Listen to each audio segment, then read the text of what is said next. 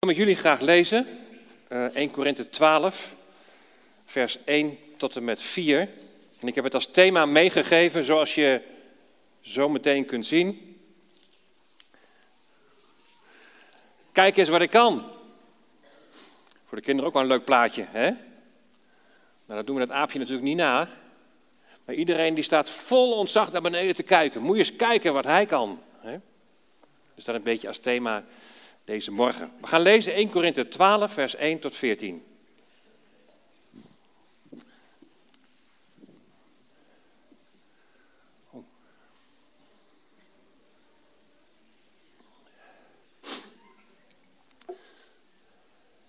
Wat nu de geestelijke gaven betreft, broeders, wil ik niet dat u onwetend bent.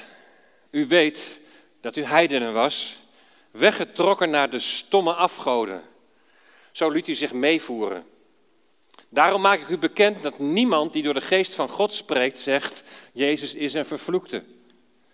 Ook kan niemand zeggen, Jezus is Heer dan door de Heilige Geest. Er is verscheidenheid van genadegaven, maar het is dezelfde geest. Er is verscheidenheid van bedieningen en het is dezelfde Heere. Er is verscheidenheid van werkingen, maar het is dezelfde God die alles in allen werkt. Aan ieder echter wordt de openbaring van de geest gegeven tot wat nuttig is voor de ander. Want aan de een wordt door de geest een woord van wijsheid gegeven en aan de ander een woord van kennis door diezelfde geest en aan een ander geloof door dezelfde geest en aan een ander genadegaven van genezingen door dezelfde geest en aan een ander werkingen van krachten en aan een ander profetie en aan een ander het onderscheiden van geesten en aan een ander allerlei talen en aan een ander allerlei uitleg van, andere uitleg van talen. Al deze dingen echter werkt één en dezelfde geest die aan ieder afzonderlijk uitdeelt zoals hij wil. Want zoals het lichaam één is en veel leden heeft, en al de leden van dit ene lichaam, hoeveel het er ook zijn, één lichaam zijn, zo is het ook met Christus.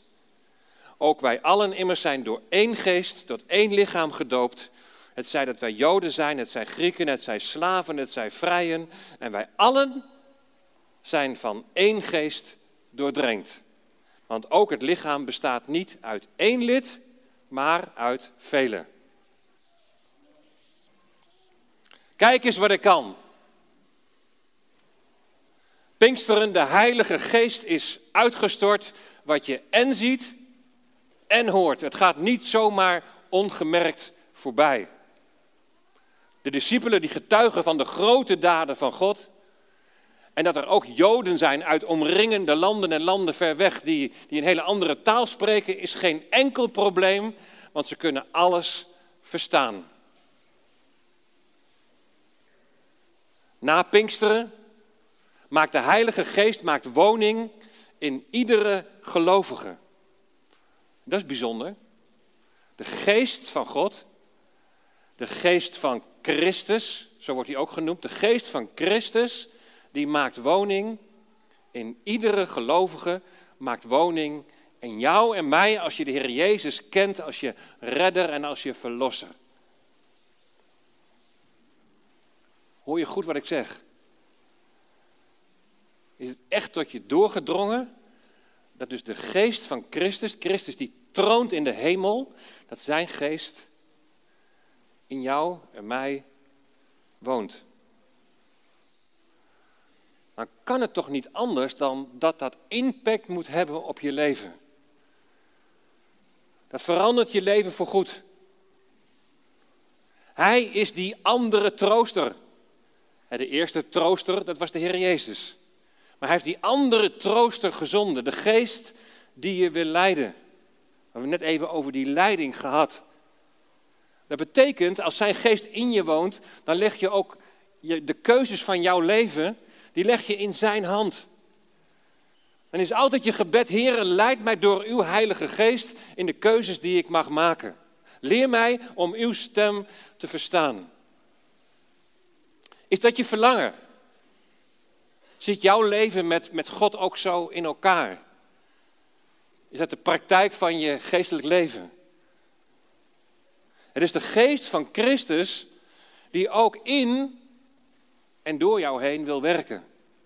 Het is de geest van Christus die een veranderingsproces in jou en mij teweeg wil brengen. Dat we gaan veranderen naar het beeld van de Heer Jezus. Dat je steeds meer op Hem gaat lijken. Is dat ook jouw verlangen?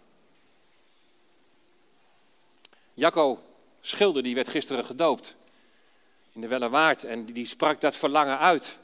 Dat verlangen van ik wil graag veranderen naar het beeld van de Heer Jezus.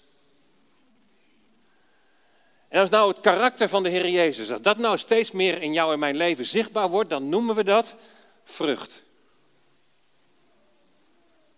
De vrucht van de geest. Nou, wat die karaktereigenschappen van de Heer Jezus zijn, kun je lezen in Galaten 5, vers 22. Liefde, blijdschap, vrede, geduld, vriendelijkheid, goedheid, geloof, zachtmoedigheid en zelfbeheersing. Zoals bij een mandarijn allemaal partjes van één vrucht, de vrucht van de geest. De geest wil je in dat veranderingsproces alles geven wat bijdraagt aan jouw verandering naar het beeld van de Heer Jezus. Daar hoef je niet aan te twijfelen. Hij wil je daartoe alles geven, opdat die verandering ook werkelijk gaat plaatsvinden. Het is alleen de vraag, hoeveel ruimte geef je de Heilige Geest om dat veranderende werk in jou en mij te doen? Maar we hebben toen straks al even met die taart gezien dat je de geest ook kunt doven. Door niet gehoorzaam te zijn, door niet te luisteren, maar je eigen weg te gaan.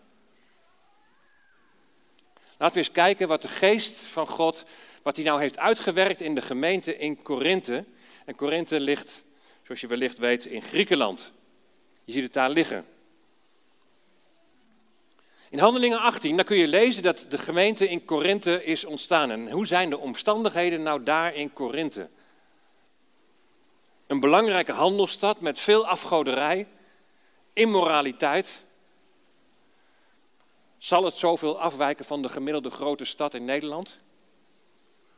Dat is de context waarbinnen de gemeente, die jonge gemeente in Korinthe, is ontstaan.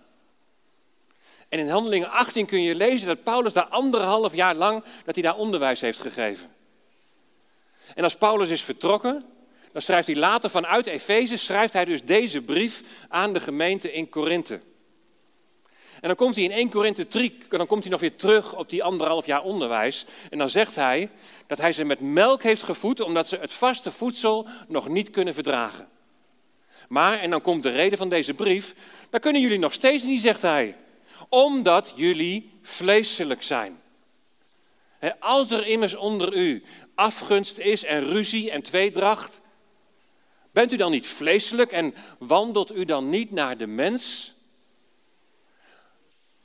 Een belangrijke conclusie die je kunt trekken is dat de wandel van de Corinthiërs, van de gemeente Korinthe, van de gelovigen, niet in de eerste plaats Godgericht is, maar dat ze mensgericht zijn. Door allerlei heidense invloeden waar ze zich nog door mee laten voeren, is er nog geen stabiele gemeente. Op zijn derde zendingsreis wordt Paulus geïnformeerd over de situatie in de gemeente door de huisgenoten van Chloe. En je kunt dat lezen in de eerste zes hoofdstukken. Nou, kijk maar eens even wat daar allemaal speelt. Er is verdeeldheid. Individualisme. Ze zijn vooral op zichzelf gericht. Ze zijn niet gericht op de gemeente als geheel. Ze zijn mensgericht. Ikke, ikke. Ruzies zijn er. Mensen worden beïnvloed door de filosofische wijsheid van de Griekse wereld in die tijd. Geestelijke hoogmoed. Incest. Iemand die de vrouw van zijn vader heeft. Rechtszaken. Seksuele immoraliteit, waarschijnlijk onder invloed van de tempelprostitutie. Als je dat zo eens even op je in laat werken, is nogal wat. Niet direct zou je zeggen een voorbeeldgemeente. Maar wij zijn hier nu acht jaar in deze gemeente. En gelukkig zijn deze zaken niet bij ons aan de orde van de dag. Maar ik kan er niets van doorstrepen wat bij ons niet aan de orde is geweest. Soms in hevige mate en soms heel bescheiden, maar wij zijn niet anders dan de gemeente in Korinthe. En misschien hoort het wel even confronterend. Het gaat in deze brief gaat het natuurlijk over specifieke gebeurtenissen in de gemeente in Korinthe, maar niets is ons vreemd, helaas. En daarnaast krijgt Paulus nog een brief van de oudste van de gemeente met een aantal vragen daarin. Het zijn persoonlijke vragen naar aanleiding van de situatie in de gemeente in Korinthe. En we kunnen van alles van deze, van deze brief leren, maar we moeten ons voortdurend weer bewust zijn van in welke context is deze brief geschreven. Om zo ook 1 Korinthe 12 zo meteen, 13, 14, om, om dat een goede plek te geven en dat te begrijpen. De brief van de oudste is helaas niet meer bekend, dus we krijgen nu alleen maar de antwoorden. En dat, dat geeft ook alweer aan dat het soms zo moeilijk is om het, om het goed te begrijpen als je de, de vraag niet weet en alleen het antwoord. Maar vanaf hoofdstuk 7 kun je dus lezen waar het over gaat en wat Paulus' antwoorden zijn. En waar gaat het dan over? Wat zijn dan de onderwerpen? Huwelijk en echtscheiding. Nou, is niet echt cultuur en tijd bepaald, want de Heer Jezus heeft er ook over gesproken. Eten van vlees, dat is geofferd aan afgoden. Ja, dat speelt natuurlijk bij ons op dit moment niet. De hoofdbedekking van de vrouw. Als je hierin verdiept, dan zul je zien dat dit mogelijk ook cultureel bepaald is. Ik zie al een paar mooie hoofdbedekkingen. Het is natuurlijk Urke dag geweest, dus kan niet missen. Prachtig. Avondmaal. 1 Korinther 11, het werd een eetfestijn. Ze wachten niet op elkaar. En daarom staat er, jullie onderscheiden het lichaam niet. Geestelijke gaven. Er was sprake van een competitie. Kijk eens wat ik kan. En ik ben belangrijker dan jij, want ik heb die gaven en die gaven die heb jij niet. Dus in dat licht is 1 Korinthe 12 ook geschreven. Dan de lichamelijke opstanding, 1 Korinthe 15. Er waren er die de lichamelijke opstanding van de Heer Jezus verlogenden. Je ziet dat het veranderingsproces naar het beeld van de Heer Jezus, dat, in de gemeente in Korinthe toch wel wat stroef en wat moeizaam verloopt. Dat is misschien nog zacht uitgedrukt. Wat kan er nog meer misgaan? En toch, ondanks al deze misstanden, begint Paulus zijn brief als volgt. Aan de gemeente die in Korinthe is, aan de geheiligden in Christus Jezus, geroepen heiligen. Ondanks al deze misstanden worden ze als gemeente en worden ze als gelovigen, worden ze heiligen genoemd. Geheiligden in Christus Jezus. De gelovigen in Korinthe zijn dus qua hun geestelijke positie, zijn ze in Christus geheiligd. Dat betekent ze zijn in Christus apart gezet. Apart gezet waarvan? En wij zijn als gelovigen, zo leert de Korinthebrief ons, we zijn als gelovigen gezet in de hemelse gewesten in Christus Jezus. Apart gezet. Maar dat betekent ook dat we apart gezet zijn van deze wereld. Die wereld die niet in God gelooft. En die niet het offer van de Heer Jezus accepteert. Apart zijn van de wereld betekent ook dat je niet meer wilt leven na de maatstaven van die wereld. Maar dat je God wilt gehoorzamen. En als dat niet gebeurt, dan is Paulus ontzettend radicaal. Als mensen volharden in hun zonde, lees 1 Korinthe 15 maar eens een keer rustig op na, dan worden mensen de gemeente uitgezet. Tucht wordt toegepast in de hoop dat de zondaar die in, in, in zonde volhardt, dat hij zich bewust wordt van waar hij of zij mee bezig is. Volharden in zonde, dus dat betekent niet een keertje zondigen, maar je zondigt en je blijft het volhouden en je laat je er niet op aanspreken. Volharden in zonde en tolereren, dat infecteert de gemeente. In 1 Korinthe 12 wordt de gemeente voorgesteld als lichaam. En in dat lichaam zijn vele leden zijn, zijn met elkaar verbonden, die afhankelijk zijn van elkaar en die elkaar beïnvloeden, zowel positief als negatief. En precies zoals het werkt in een menselijk lichaam wat onze organen betreft. Wat ziek is, moet genezen worden. Want anders dan woekert het maar verder. Als er wordt volhard in zonde, ja, dan moet het worden aangekaart, zegt Paulus. De zondaar moet ermee kappen, anders heeft het invloed op andere delen van het lichaam. Dat trekt als een zuur deeg door het lichaam heen, zegt Paulus in 1 Korinthe 5. Paulus is daarin enorm radicaal. Dat besef van lichaam van Christus zijn, het aan elkaar gegeven zijn, met elkaar verbonden zijn, dat is in, in de gemeente in Korinthe, is dat ver te zoeken. Tegen degenen die zich overmatig deden aan het eten en drinken tijdens het avondmaal, wordt gezegd dat zij het lichaam niet onderscheiden. En als ze dat lichaam, de gemeente, wel zouden onderscheiden, dan hadden ze netjes op elkaar gewacht. Ik heb al gezegd, er is een, een sprake van toenemend individualisme. Er is sprake van geestelijke hoogmoed. Mensen doen maar wat goed is in hun eigen ogen. Ze zijn mensgericht en ze zijn niet meer langer aanspreekbaar op hun zondige leefwijze. Wie ben jij om wat van mijn keuzes te vinden? Ze zijn meer op zichzelf gericht dan op het belang van het lichaam als geheel. Zijn wij zoveel beter als de gemeente in Korinthe? Hoe zou de brief van Paulus aan onze gemeente eruit zien?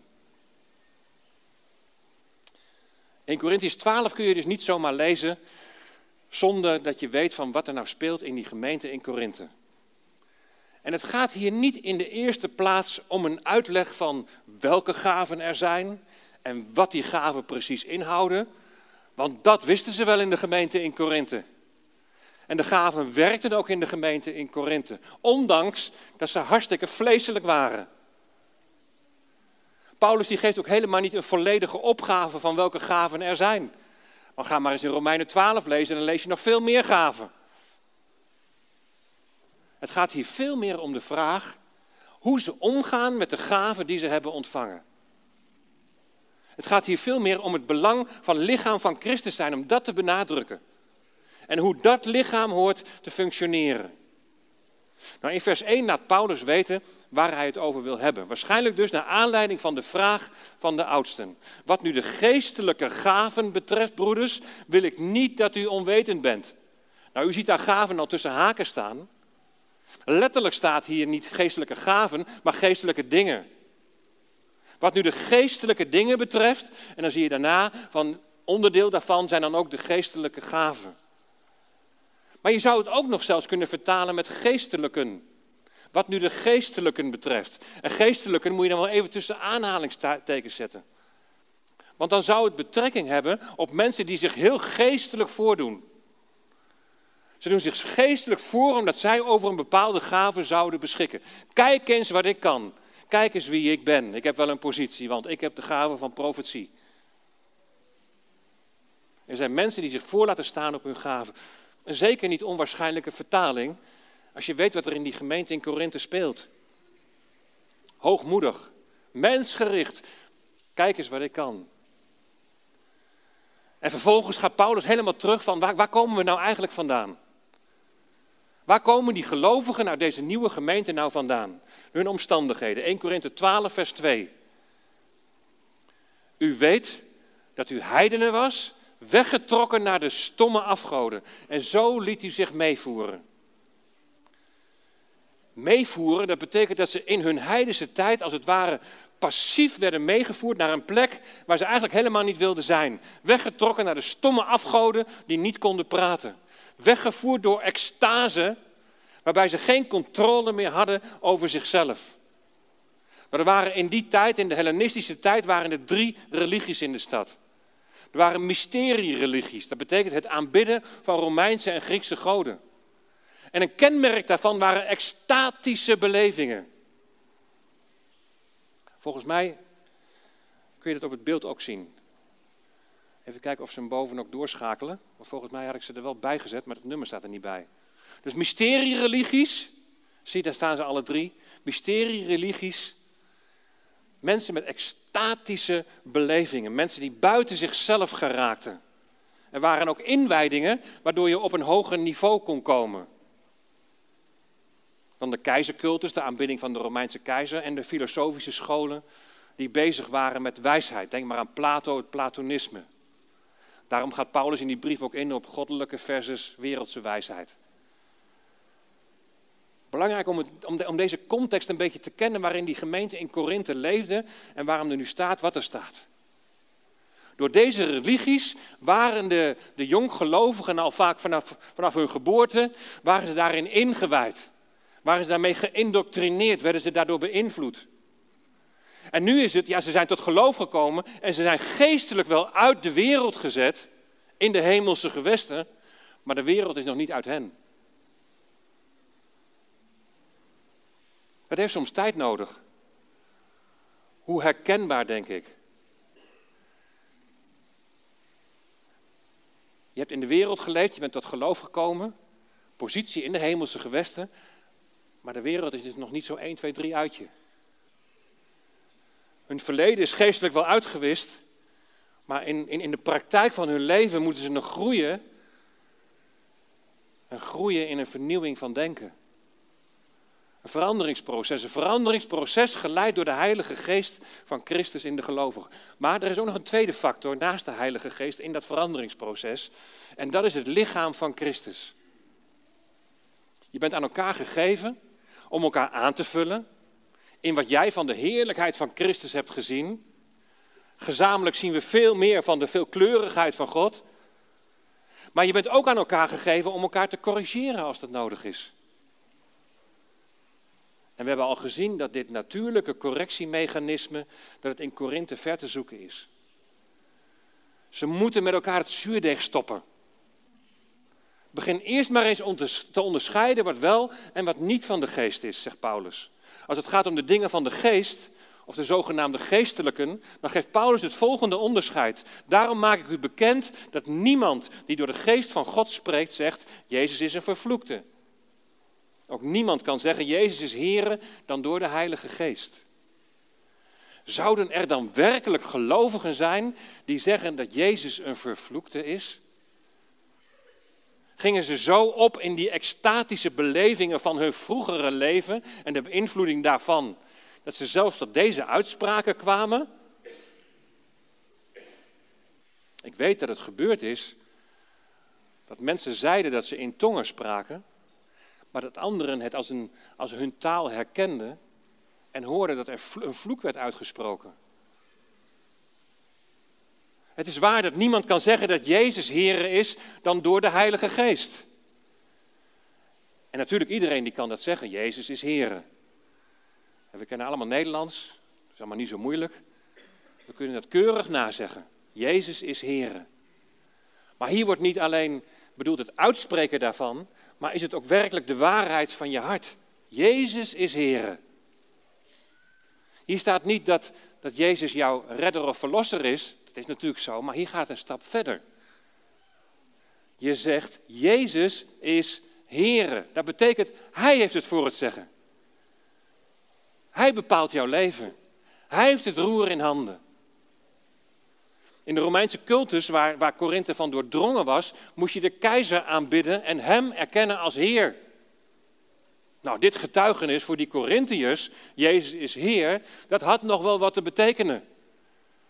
Dat was niet zomaar leeg, nee, dat had zomaar vervolging tot gevolg kunnen hebben.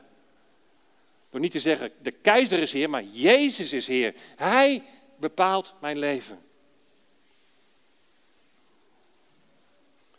Als je door de Heilige Geest zegt dat Jezus Heer is, dan is dat niet alleen een beleidenis van, van je mond dat Hij Heer over je is, maar dan onderwerp je je ook aan Zijn gezag. Dan bestuurt Hij je leven en dan, dan wil je niet meer mensgericht zijn, maar dan wil je Godgericht zijn. Als je Hem erkent als Heer, dan erken je Hem als hoofd van het lichaam. En dan wordt jouw ik wordt niet alleen ondergeschikt aan hem, maar dan wordt jouw ik wordt ook ondergeschikt gemaakt aan het belang van zijn lichaam. En het belang van een gezond lichaam.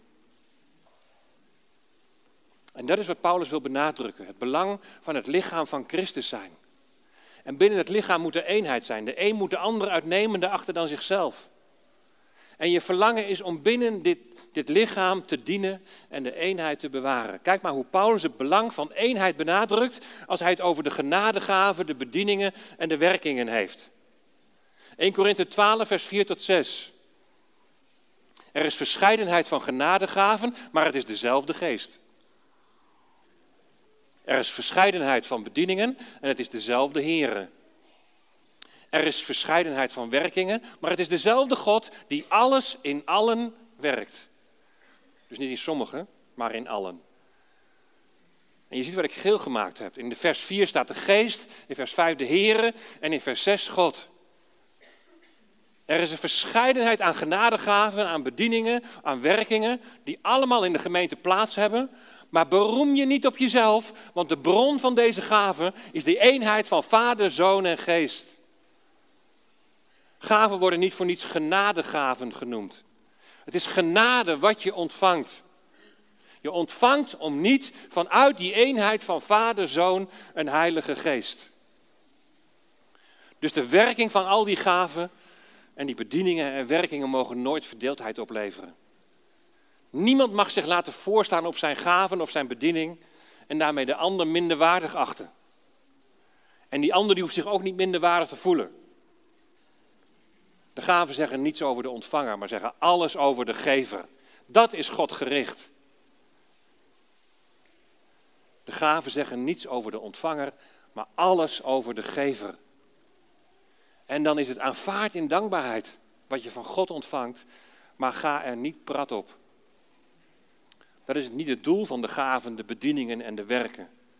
Wat wel het doel is, lees je in vers 7. Aan ieder wordt de openbaring van de geest gegeven tot wat nuttig is voor de ander. Je ontvangt die gaven niet voor jezelf, maar je ontvangt die voor de ander. Je ontvangt die tot opbouw van het lichaam van Christus. En dan volgen er negen uitingen, gaven van de geest, werkingen. Het zijn trouwens niet natuurlijke talenten.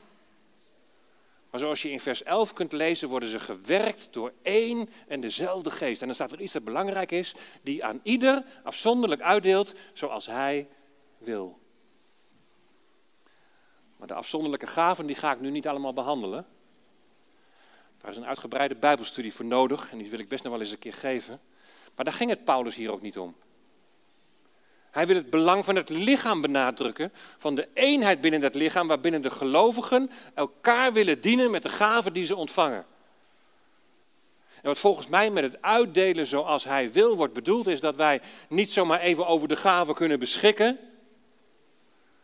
Op het moment dat het ons uitkomt. Dat is, dat is mensgericht denken. Maar de gaven worden uitgedeeld op het moment dat hij vindt dat jij of ik een gave nodig hebben. Hij deelt uit wanneer hij wil. Ik lees nergens dat de discipelen dachten van, ja, er zijn zoveel mensen die ons niet kunnen verstaan. Heere God, help ons alsjeblieft een handje, want dit gaat niet goed komen. Nee, ze begonnen gewoon te spreken en het werd verstaan. God geeft het op het moment dat je het nodig hebt. Waarom zien we die gaven niet bij ons?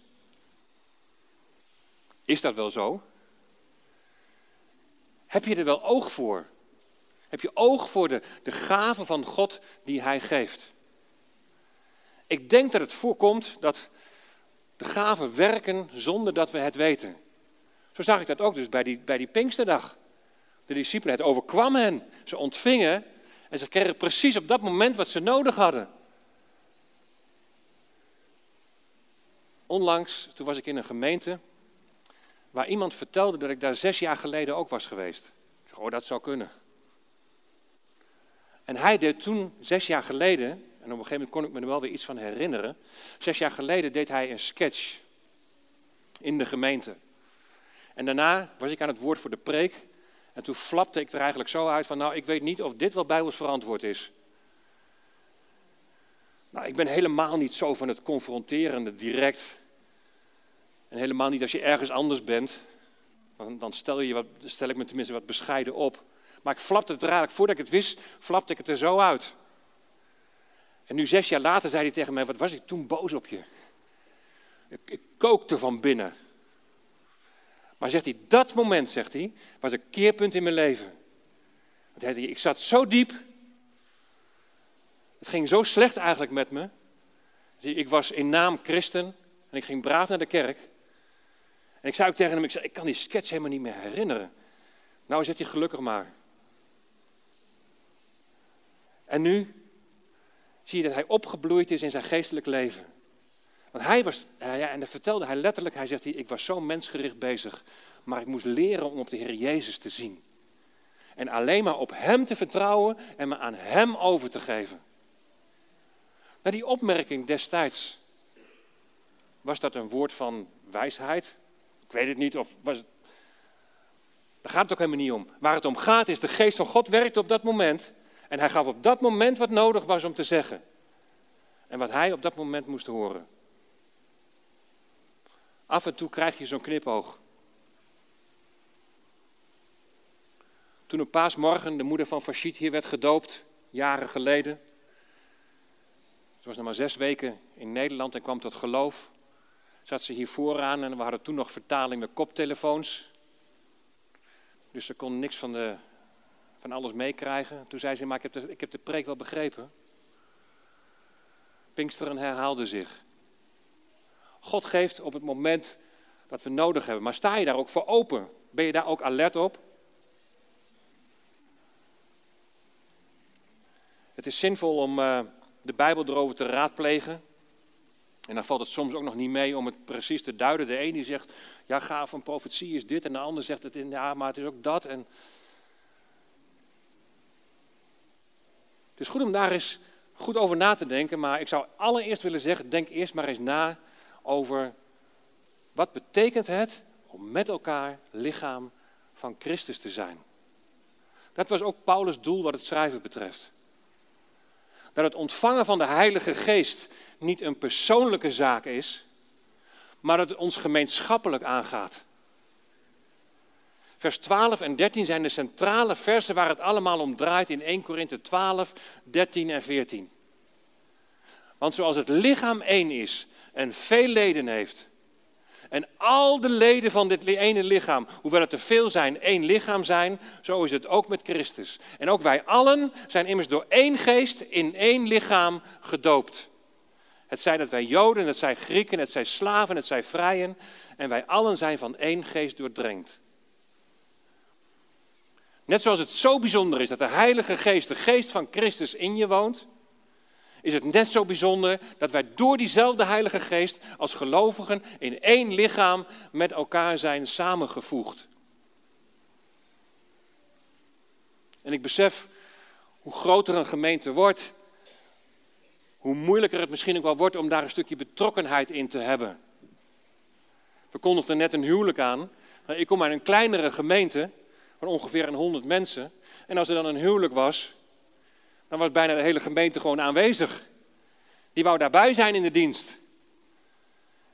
Bij ons is het bijna een privégelegenheid geworden. Een besef bij begrafenissen, idem dito. Ja, ik ken hem eigenlijk helemaal niet. Ja, wat maakt het nou uit? Het is je broeder of het is je zuster. Je bent één in het lichaam van Christus. Je bent met elkaar verbonden. Je bent broer en zus van elkaar. En een broer en een zus die kiezen elkaar niet uit. En we hebben verschillende karakters en we zitten helemaal verschillend in elkaar. En we mogen leren om met elkaar om te gaan. En elkaar te begrijpen, elkaar te verstaan en elkaar op te bouwen. We hebben allemaal een plek in het lichaam ontvangen. We hebben de geest ontvangen om, om uit te delen van wat God gegeven heeft. We zijn allen door één geest in één lichaam gedoopt. Als je dat gaat beseffen, en je gaat een dienende houding binnen, binnen die gemeente innemen, weet je, dan ben ik er ook van overtuigd, dan komen die gaven vanzelf wel. Het begint met beschikbaar zijn en het begint met de vrucht van de geest. En die gaven die komen vanzelf wel. En, en die zijn er ook wel, maar we hebben er misschien nog weinig oog voor. Stel je in die dienende houding binnen het lichaam van Christus, maar open voor de werking van de Heilige Geest. Participeer binnen het lichaam van Christus. Bezoek de samenkomsten op zondag, de kringen, de bidstonden. Trek met medegelovigen op.